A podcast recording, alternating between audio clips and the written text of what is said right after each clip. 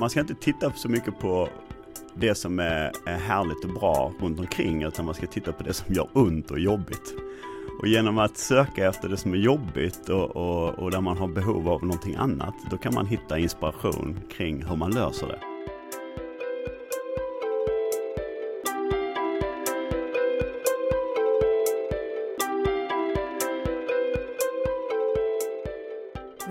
Välkomna till det trettonde avsnittet av podden Framtidskraft. Jag heter Karin Bodén och arbetar för Jämtkraft. Och jag heter Daniel Löfstedt. Idag ska vi prata om innovation på riktigt. Ofta blir ju innovation liksom lite luddigt och mm. lite flummigt sådär. Mm. Men hur ska man göra för att skapa förutsättningar för innovation i vardagen? Hur gör man rent praktiskt, rent konkret? Ja. Hur, hur ska man tänka eh, för, att, för att bryta gamla hjulspår? Ja, vilka är de där nycklarna? Det är ju det mm. man funderar på. Mm. Mm. Eh, så idag ska vi träffa Niklas Huss. Han är eh, innovationschef på försäkringsbolaget Länsförsäkringar. Och då undrar man ju, varför är det intressant att möta en innovationschef inom försäkringsbranschen? Jag menar, vi jobbar ju med mm energibranschen och framtidsfrågorna där. Mm, mm. Jo, men jag tänker så här, det är viktigt att vi tittar på andra branscher också. Och de här förändringarna som sker just nu, mm. de ser ju relativt lika ut oavsett bransch. Mm. Och sen ser jag att det finns ju likheter emellan försäkringsbranschen och eh, energibranschen. Ja, traditionella branscher. Ja, gamla eh, står kanske för trygghet.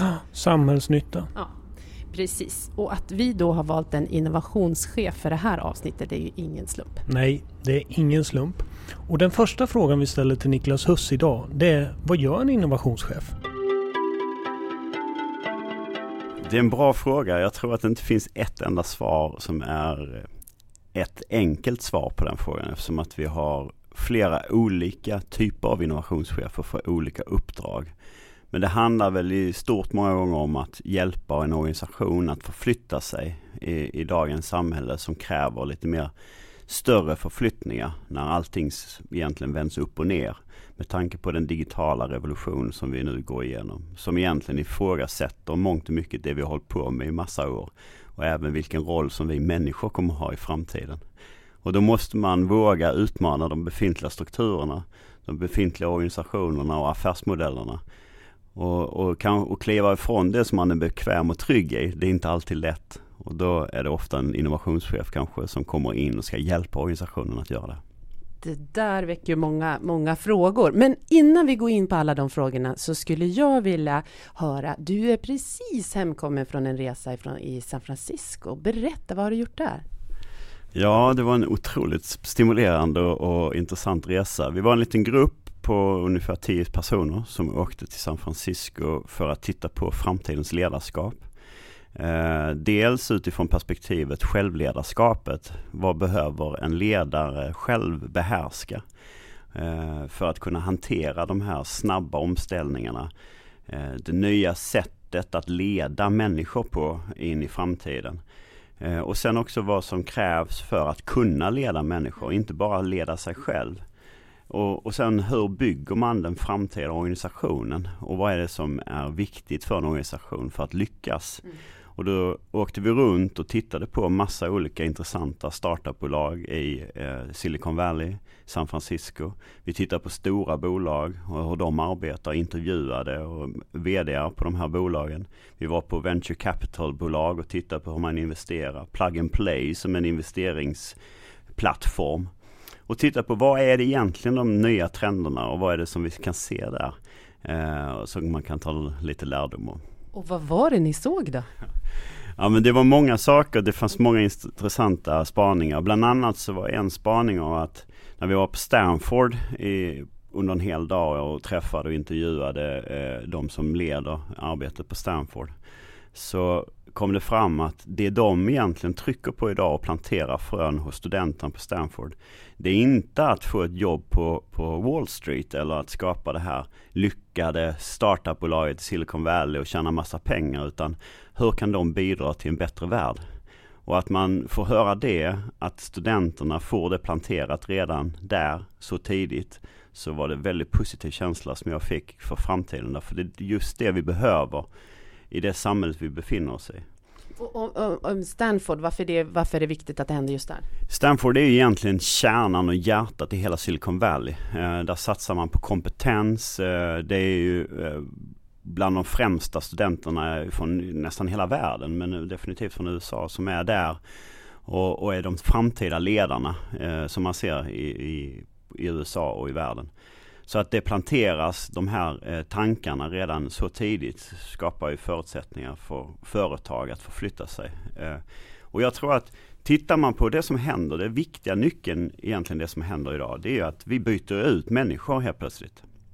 Vi går ifrån att vi människor har varit en av de viktiga spelarna i att effektivisera processer. Den industriella revolutionen var att vi optimerade och effektiviserade processer. Där vi människor fanns med. Vi byttes ut en del i den industriella revolutionen till maskiner. Men nu byts vi ut överallt. Och då börjar vi komma tillbaka till frågan, vad ska jag som individ göra? Vad är egentligen mitt syfte med mitt liv här på jorden? Och när man börjar landa i den frågan så kanske jag är en del av hela världens natur liksom, och ekosystem. Och hur kan jag bidra med tanke på att vi kanske har använt upp en hel del av naturens resurser och vi har eh, en extrem miljöpåverkan. Och när man landar i det så börjar jag se trender, det ser man där nere också, att det handlar om att kunna bidra tillbaka till eh, världen eh, som en av de starkare eh, trenderna. Och, och det, när vi landar där så kanske vi till och med kommer få bolag som då successivt kommer att handla om att kunna bidra. Och då kanske vi inte har några bolag i framtiden som inte bidrar till ett eh, bättre samhälle och en bättre värld. För att folk handlar inte av de bolagen. Så jag ser att vi börjar nu successivt att plantera en ny trend i världen där bolagen går mot någonting att kunna ge tillbaka istället för bara tjäna pengar. Pengar blir sekundärt. Men pengar kommer alltid vara viktigt men kanske inte det som är nummer ett i prio. Det låter som en gigantisk förflyttning. Ja. Alltså vi pratar inte bara om ett bolags förflyttning. Vi pratar om en förflyttning för kan man säga mänskligheten. Ja, och det kräver ju enormt mycket för en ledare att våga och orka göra den förflyttningen. Uh, och det är därför det är intressant att börja då, man måste ju börja hos sig själv. Om inte man själv är trygg och stabil i sitt ledarskap så kan man ju inte heller leda andra i den resan. Och, och, då kan man inte heller bygga de bolagen som kanske bygger på de här fundamenten. Uh, så det är stora förändringar. Uh, och, och, och, vi måste också ifrågasätta när vi nu kanske inte behövs i lika stor grad. Uh, om man tänker på självkörande bilar, hela transportsektorn kanske inte behövs. Vi har även i effektivisering, handläggningar och så vidare i kundsupporten utan där har vi chattbottar och AI som gör jobbet. Eh, läkarna behövs inte i samma utsträckning heller längre utan vi kan använda istället artificiell intelligens för att identifiera cancer. Eh, vi har journalister som, som byts ut och används istället för att kunna egentligen automatiskt titta på nätet vad som skrivs och skriva ihop artiklar. Så det är så många branscher just nu och yrkesroller. Och när vi också förflyttar oss med tanke på att datan kan generera nya insikter som vi inte har kunnat se tidigare genom dataanalys. Så kan man också göra arbetet mycket tidigare i processen vilket gör att färre människor behövs senare. Och vad ska vi människor göra då? Då måste vi börja tänka på det och vad är mitt värde och mitt bidrag? Och då kommer vi in på mjuka frågor och det är det som är så härligt tycker jag. Mm, ja, vad, det här ledarskapet du pratar om mm. i en sån här tid, vad kännetecknar det? Hur ska ledarskapet lyckas för att göra den här förflyttningen? Ledarskapet handlar om att om man tittar på den traditionella eh, ledarskapet så var det en klassisk pyramid ledaren högst upp på toppen och sen hade vi längre ner medarbetare som utförde och så längst ner hade vi kunderna. Om man ser det nya ledarskapet så vänder vi på pyramiden istället. Vi har kunderna högst upp, de som vi tillför och vad vi ska bidra för värde och sen har vi alla medarbetare som möter kunderna. Och, och, och så minskar vi värdet eller behovet av chefer utan vi har egentligen eh, i slutändan chefen ska vara den som stöttar och bär upp när det verkligen behövs. Men annars ska besluten komma så tidigt som möjligt och så långt ut nära kunden som möjligt. Och det ska han kännetecknas av transparent i hela organisationen. Ett självledarskap där du har möjlighet att påverka. Därför de här snabba omställningarna de funkar inte att ha de klassiska höga pyramiderna av hierarkier där det ska skyfflas upp till högsta nivå och fattas beslut och sen gå ner igen. Utan man måste ha en mycket mer flexibilitet i beslutsfattandet. Men hur får man till det där då? Oh, det... Alltså, vi kommer ju då från energibranschen. Jag vet inte, vad har du för bild av energibranschen? Ja det är ungefär likadan bild som jag har av försäkringsbranschen. En traditionell bransch som har varit och sett ut likadan i massa, massa år. Och kanske svårt att förflytta. Utan man har byggt en affärsmodell och så, så, har den sett ut länge och det känner man sig trygg i. Och det funkar, man är lite fat and happy, man får in sina pengar och det, det rullar på liksom. Eh, och då är det ju jättesvårt att göra en förflyttning.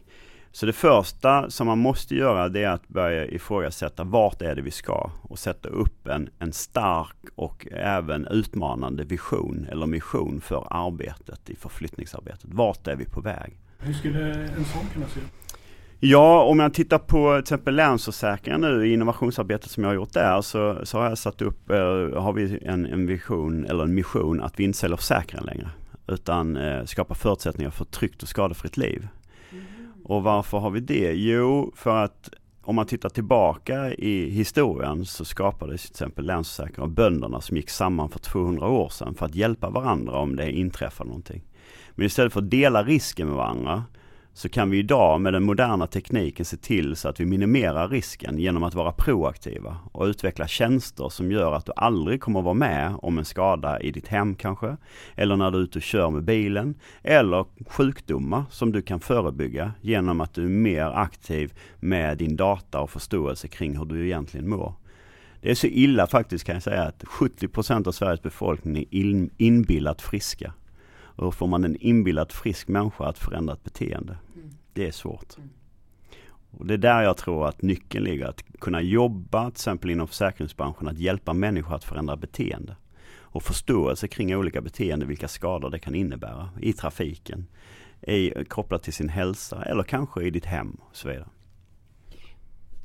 Eh, när vi pratar om eh, innovation så är det många som funderar på så här, vad, vad, är innovation? Vad är det egentligen? Utveckling, disruption, alltså? Mm, jättebra fråga. Eh, ja, man kan sätta upp det på olika nivåer. Man kan prata om olika typer av innovationer. De mindre och de mer disruptiva. Eh, på Länsförsäkringar satte vi upp en, en, en skillnad mellan utveckling och innovation. Och där vi sa att utveckling är att göra någonting som man redan gör, kanske lite mer effektivt. Eh, man förbättrar produkter, man utvecklar nya produkter, försäkringsprodukter eller effektiviserar processerna till exempel plockar in en chattbot eller att man har automatiserat med hjälp av artificiell intelligens en process som man behöver inte människor i samma utsträckning. Så man kan effektivisera hela kundmötet. Eller att man vet vilka kampanjer som ska gå ut när. Det där jobbar inte jag med alls i innovationsarbetet. Utan det vi jobbar med i innovationsarbetet det är att göra någonting som vi inte har gjort tidigare. Och det är den disruptiva innovationen som vi jobbar med. Och det är därför vi satt upp den här missionen att vi säljer inte försäkringar, vi skapar förutsättningar för ett tryggt och skadefritt liv. Och genom att förflytta sig och göra någonting som inte branschen någonsin har gjort, eller till exempel ditt företag kan det också vara, att ni inte har gjort det i er verksamhet tidigare. Det är något mer kopplat till innovation. Vi gör någonting annat. Och man kan kopiera någonting från en annan bransch. Eller ska man hitta på någonting som är helt nytt. Hur hittar man inspirationen där till något helt nytt? Ja, det är ju, jag tror att man ska titta, man ska inte titta så mycket på det som är, är härligt och bra runt omkring utan man ska titta på det som gör ont och jobbigt. Och genom att söka efter det som är jobbigt och, och, och, där man har behov av någonting annat, då kan man hitta inspiration kring hur man löser det. Det är en sak som jag tror är viktigt. Sen kan man också bjuda in andra. Till exempel så bjöd jag in eh, massa startupbolag eh, studenter, forskare och en representant från varje länsbolag i en, eh, ett event som jag kallade LF Open, Open Innovation, Open Innovation. Där vi tillsammans kreerade idéer. Där det, han, det enda egentliga begränsningen jag hade satt upp det var att vi inte säljer försäkringar. Utan ett tryggt och skadefritt liv. Så ingenting handlar om att utveckla nya försäkringsprodukter utan det förebyggande. Och då hade alla vederna i vd-samrådet eh, satt vilket fokus det skulle vara. Och då var fokuset hem och hälsa. Så det var det enda som var eh, egentligen riktlinjen för de här och det var 65 personer. Och dag ett så fick vi fram 724 idéer. Och de 724 idéerna blev dag två 70 nya affärsmodeller. Men, som är någonting att ha på riktigt? Ja, alltså det var otroligt spännande grejer. Eh, vissa saker kanske inte kommer att bli levererat, eh, men de här 70 affärsmodellerna som man då tog fram, de fick man gemensamt rösta på. Mm. Och då var det inte bara människorna från länsbolagen som hade kommit dit, utan det var även de som var utanför, som var lika mycket värda deras röster. Och allt som vi kom fram till, det fick de som har varit med ta, an, ta del av och använda och utveckla. Om det var en startupbolag som ville utveckla dem så fick de göra det. Men de, det enda jag sa det var att hör av er. Vi kan vara intresserade av att använda det i framtiden. Men då röstar man och då fick vi fram 14 stycken av de 70 som stack ut från mängden. De 14 gjorde vi en marknadsanalys på. Så då djupade vi ner oss i hela världen och tittade på, finns de här produkterna? Eh, hur skulle affärsmodellen se ut ännu mer, göra den konkret. Och sen skickades det ut till alla länsbolags mm. Och då fick de möjlighet att rösta i sin tur, vilka och skriva upp sig. Och då hade jag satt upp löpsedlar i vd-samrådet på hur lösningen skulle se ut när vi lanserade den. Och då fick man skriva upp sig eh, på de eh, förslagen som man tyckte man ville köra på. Och då var det tre stycken av de 14 som fick fler än 10 vd som skrev upp sig på dem. Och de har vi nu kört igång och utvecklat och testat och då utvecklar vi dem med kunderna. Så kunderna är med i olika länsbolag som får vara med och utvärdera och tycka till. Så att vi inte gör det själva och tror att det här är den lösningen utan då har vi en period som vi kallar pilotperiod. Där vi börjar med en designsprint. Och den designsprinten kör vi i entrén på LFAB. Så att mm. alla möjlighet, har möjlighet att titta. Därför transparens är en av de viktiga delarna i att lyckas. Så att inte vi upplevs som ett hot. Men, ja, du berättar, har berättat för mig tidigare att du har ingen avdelning under dig. Hänger det ihop med det här?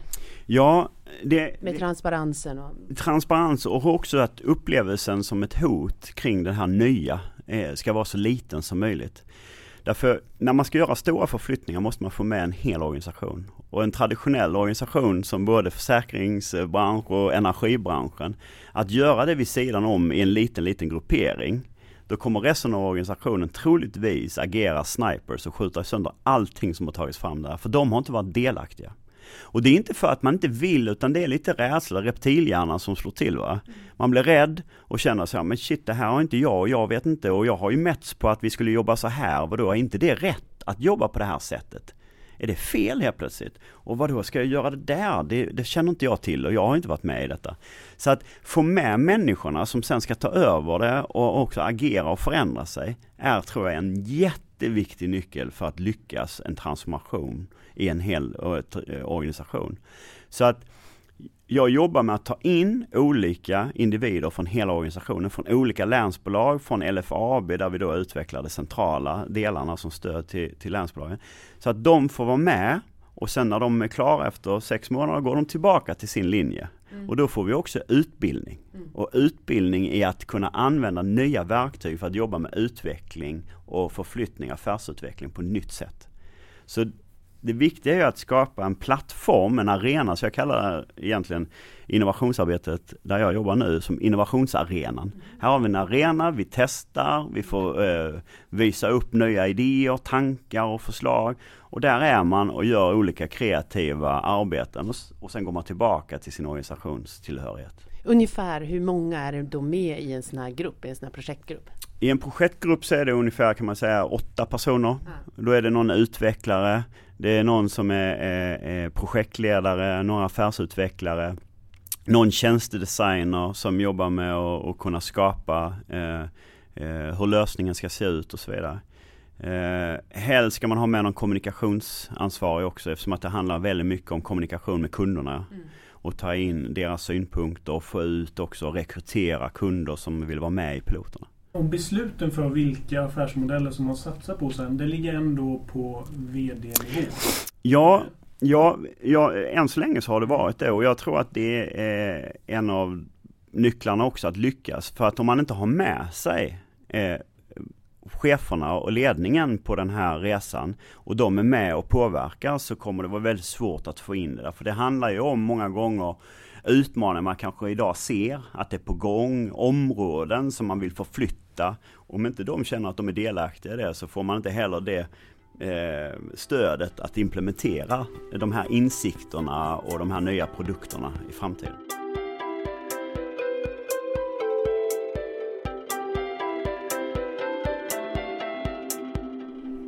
Alltså jag tycker att Nobels ekonomipris just i år var så himla häftigt, tycker inte du det? Jo, det tycker jag verkligen. Ja.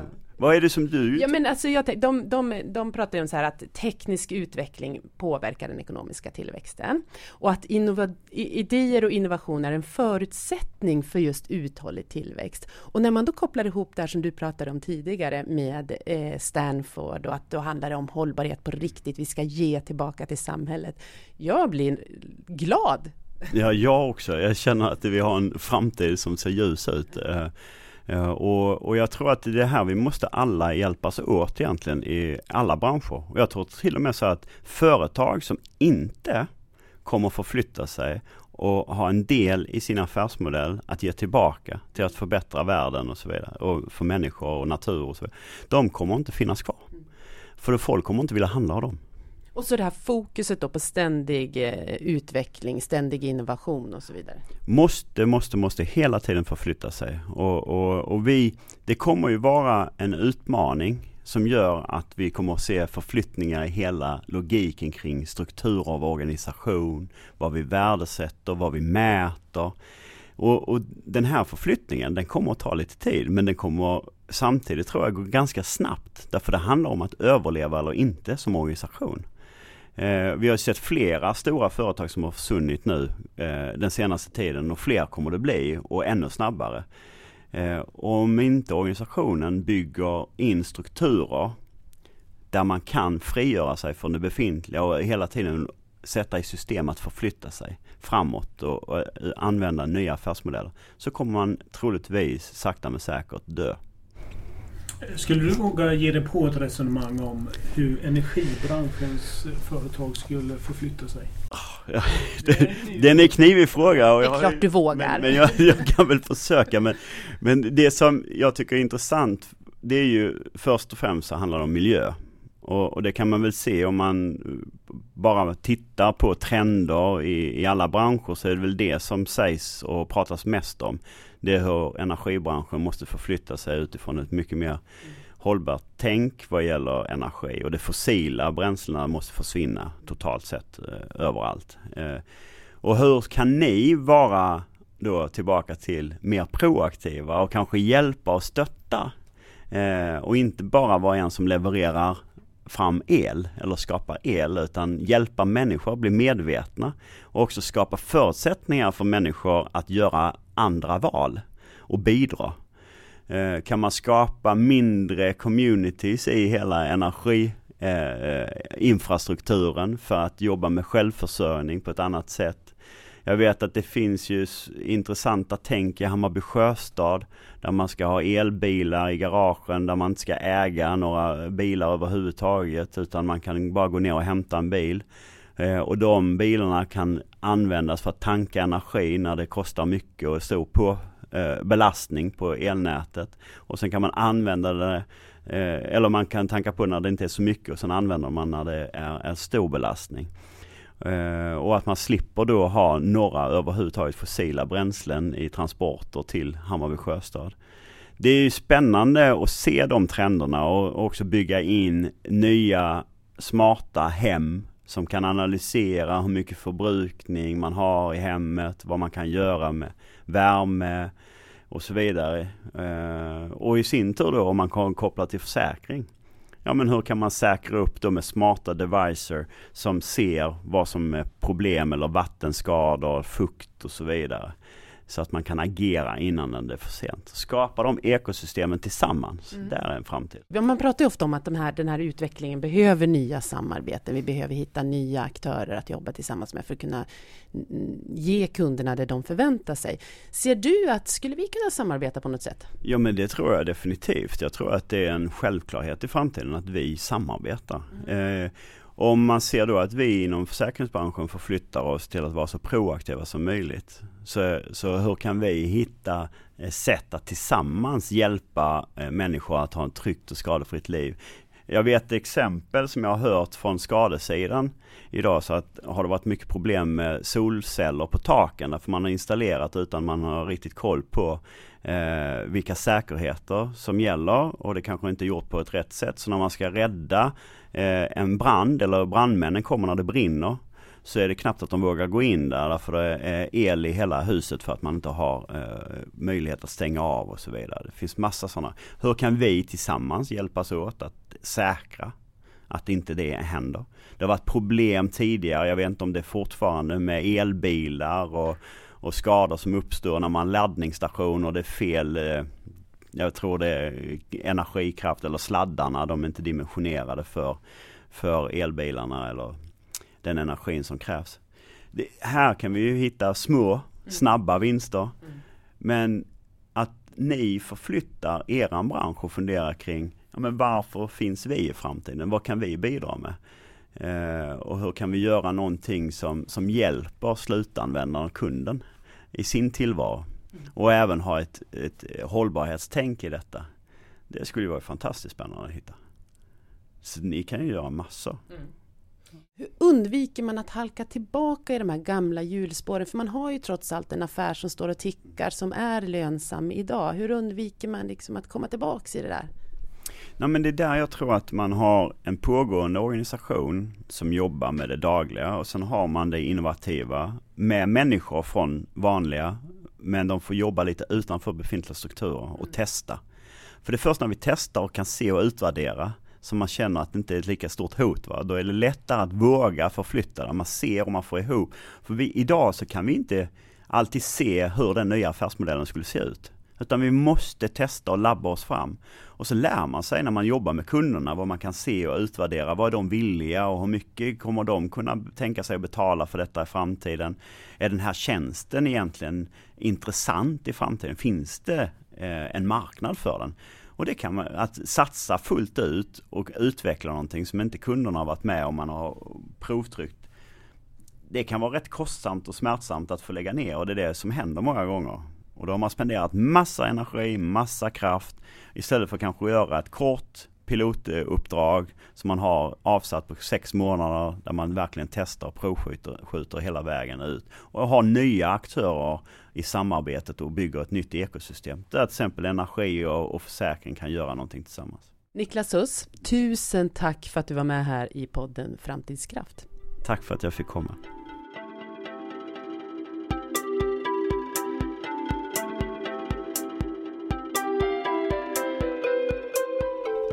Blir så glad när jag lyssnar till Niklas som säger att man på Stanford nu utbildar inte längre för Wall Street utan för den här inställningen.